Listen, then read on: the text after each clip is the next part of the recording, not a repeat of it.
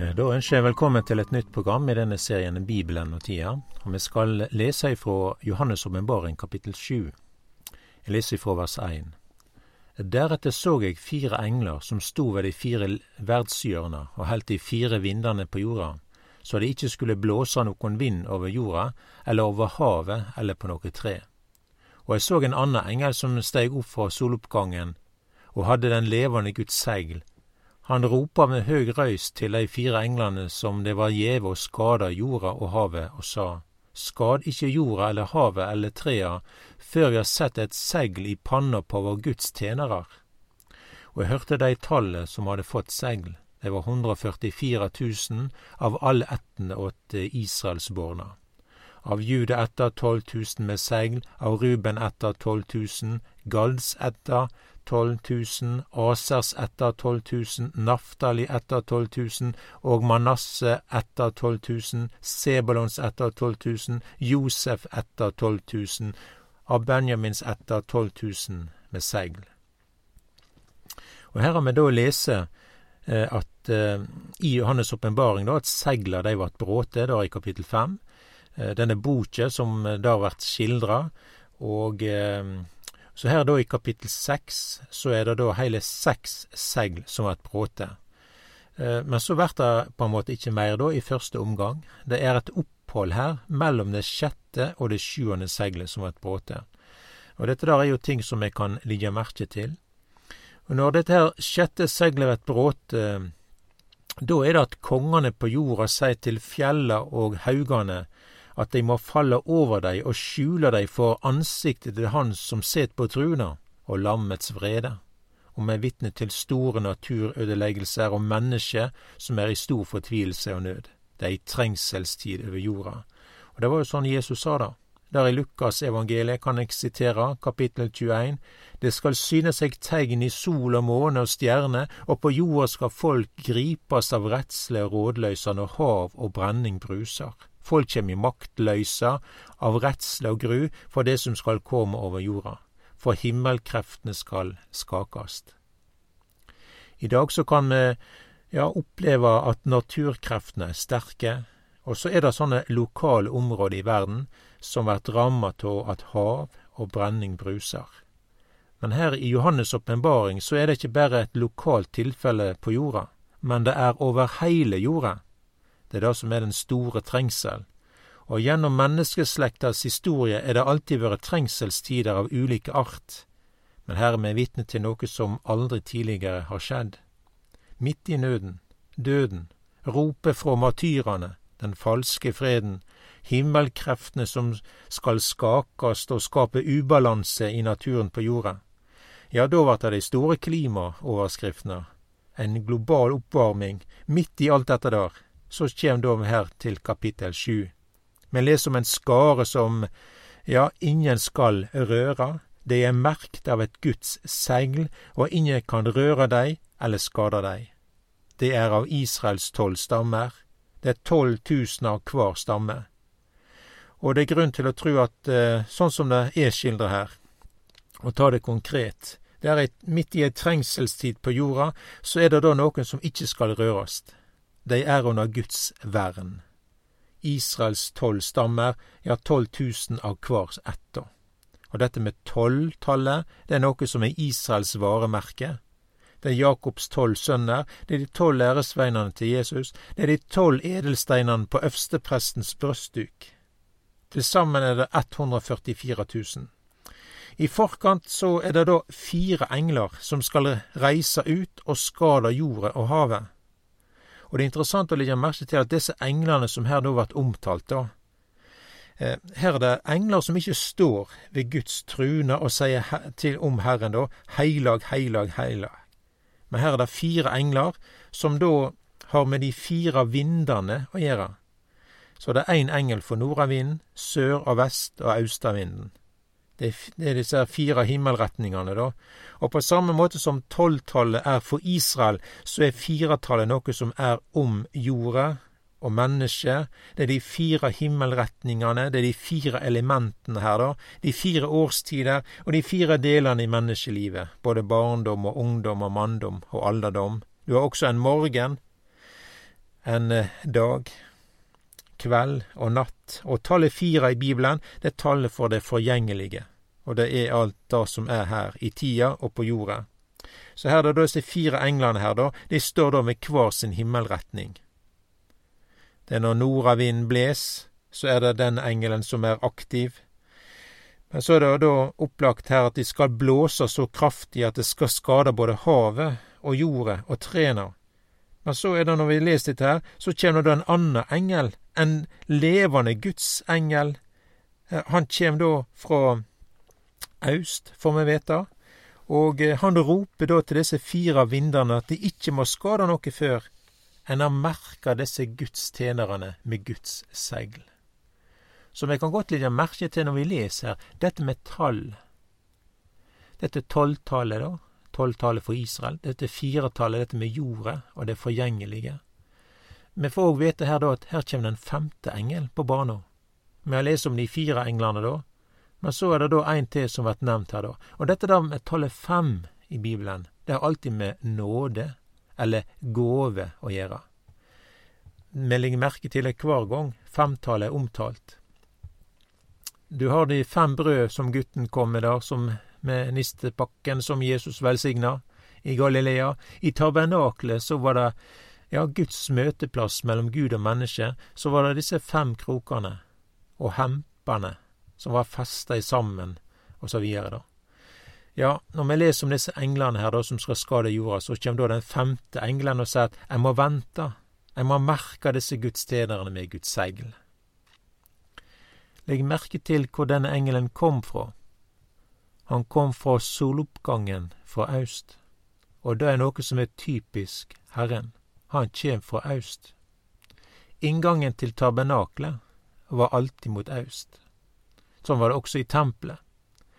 Jesus skal komme att til Oljeberget, som ligger øst for Jerusalem. Han kommer som en soloppgang, og det har vært ei ny tid, en ny dag. På samme måte er det òg med denne engelen som kjem, og vi kan undrast over hvem denne engelen er. Det er ikke mange engler som er merkte med den levende Guds segl, så det må være en spesiell engel. Og eh, for å komme fram til hvem denne engelen kan være, så kan det hjelpe oss litt grann eh, i, i saka her, da. For eh, om engelen ikke står med noe navn her, så ser vi da at saka og folket det gjelder. Det gjelder Israel. Det gjelder de tolv eh, tusen av hver av Israels stammer, som skal verta merkte med Guds segl. De er Guds tjenere. Så i Bibelen vår så er det en engel som er omtalt, som står ved navn når det gjelder Israel. Og det er denne engelen Mikael. Da kan vi også eh, se her i Åpenbaringen 7, og så kan vi òg se i eh, profeten Daniels bok, kapittel 10, så vers 20 for eksempel. Der står det følgende Jeg vil kunngjøre for deg hva som er skrevet i sanningsboka. Det fins ikke et eneste som med styrke står med meg mot disse, uten Mikael, han som er fyrsten dykker. Eh, så det er opplagt at Israel har en engel og eh, sier det Israel og deler av folk her da på 144 000 som skal verta merket med et Guds segl. Så at det har med den samme engelen å gjøre det. Det kan godt være sånn. Engelen Mikael. Det står òg i profeten Daniels boke 12, også vers 1. På den tida skal Mikael stå fram, den store fyrsten som verner om bornet åt folket ditt det skal komme ei slik trengselstid som det ikkje har vore fra dagen noko folkeslag var til og fram til denne tida. Men på den tida skal alle dei av folket ditt som finst skrevet i boka, verta frelste. Så her er det da denne Mikael som er, som er den store fyrste som verner om bårene åt folket. Vel, disse her 144 000 av Israel, de er merkt i panna si. Og det er noe som er typisk når det gjelder Israel. Ja, jeg tenker på øverstepresten, som sto der i tempelet. Han hadde ansvaret for at folket til hver ei tid var i et rett og ordna forhold til Gud. Og han hadde en kledning, Blant annet på eh, hovedet sitt så hadde han ei hua. Her var det skrevet en inskripsjon. Og denne inskripsjonen står da i Andre Mosebok 28 av vers 36. Så skal du lage ei plate av reint gull og grave inn på henne slik som en grev inn på et segl, helga til Herren. Du skal feste henne til ei snor av blåull, og hun skal sitte på lua, og på framsida av lua skal hun sitte. Altså på samme måten som vi ser presten hadde ei innskrift på hua si. Den sto da på fronten, på panna, helga til Herren, og sånn leser vi òg om disse Guds tjenere, av Israels tolv stammer. De får et merke på panna si. Det betyr de skal ikke rørast. Det er på en spesiell måte under Guds vern. Det står i profeten Sakarias boke, kapittel 2 vers 12, For så sier Herren, allers Gud. For si æres skyld har Han sendt meg til hedningefolket, som plyndrer dykk. For den som rører dykk, rører ved augnestein hans. Og Jeg tar òg med det som Jesajas profeten skildrer, 43 eh, vers 1. Og nå, så sier Herren, som skapte deg, Jakob, som lager deg, Israel, vær ikkje redd, eg har løst deg ut, kaller deg på navn, du er min. Og når vi leser disse tingene, så ser vi at Gud verner om sine. Her er vi i møte med ei trengselstid som skal komme over jorda. Det er krig, det er hunger, det er naturkatastrofer, det er et opprør, det er mennesker i nød, og som roper til fjella og til haugane. Og så er det opplagt da at Gud har sine vitner. Her det er noen Guds tjenere på jorda, de 144 000 av Israels tolv stammer. Gud har merka dei med et segl. Og Gud har gjennom heile historien merka sitt folk som sin eiendom og som sine barn. Og når vi leste om Israel for eksempel, så fikk de en merke. Det var omskjærelsens tegn, og det var uttrykk for at de er Israel. Det betyr at de er Guds jordiske eiendomsfolk. Vi leste samme om når det gjelder Guds menighet. Eh, her er det òg et eh, merke, et tegn. Vi har et innsegl, kan vi lese. Det er Den heilage ande.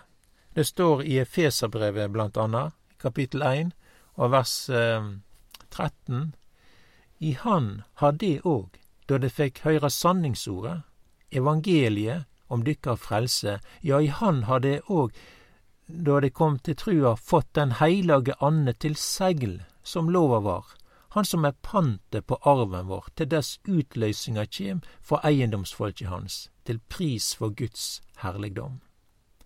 Og det står òg i andre Timoteus brev at Guds faste grunnvoll står, og har dette innsegl, Herren kjenner sine og hver den som nevner Herrens navn, skal stå seg for urett.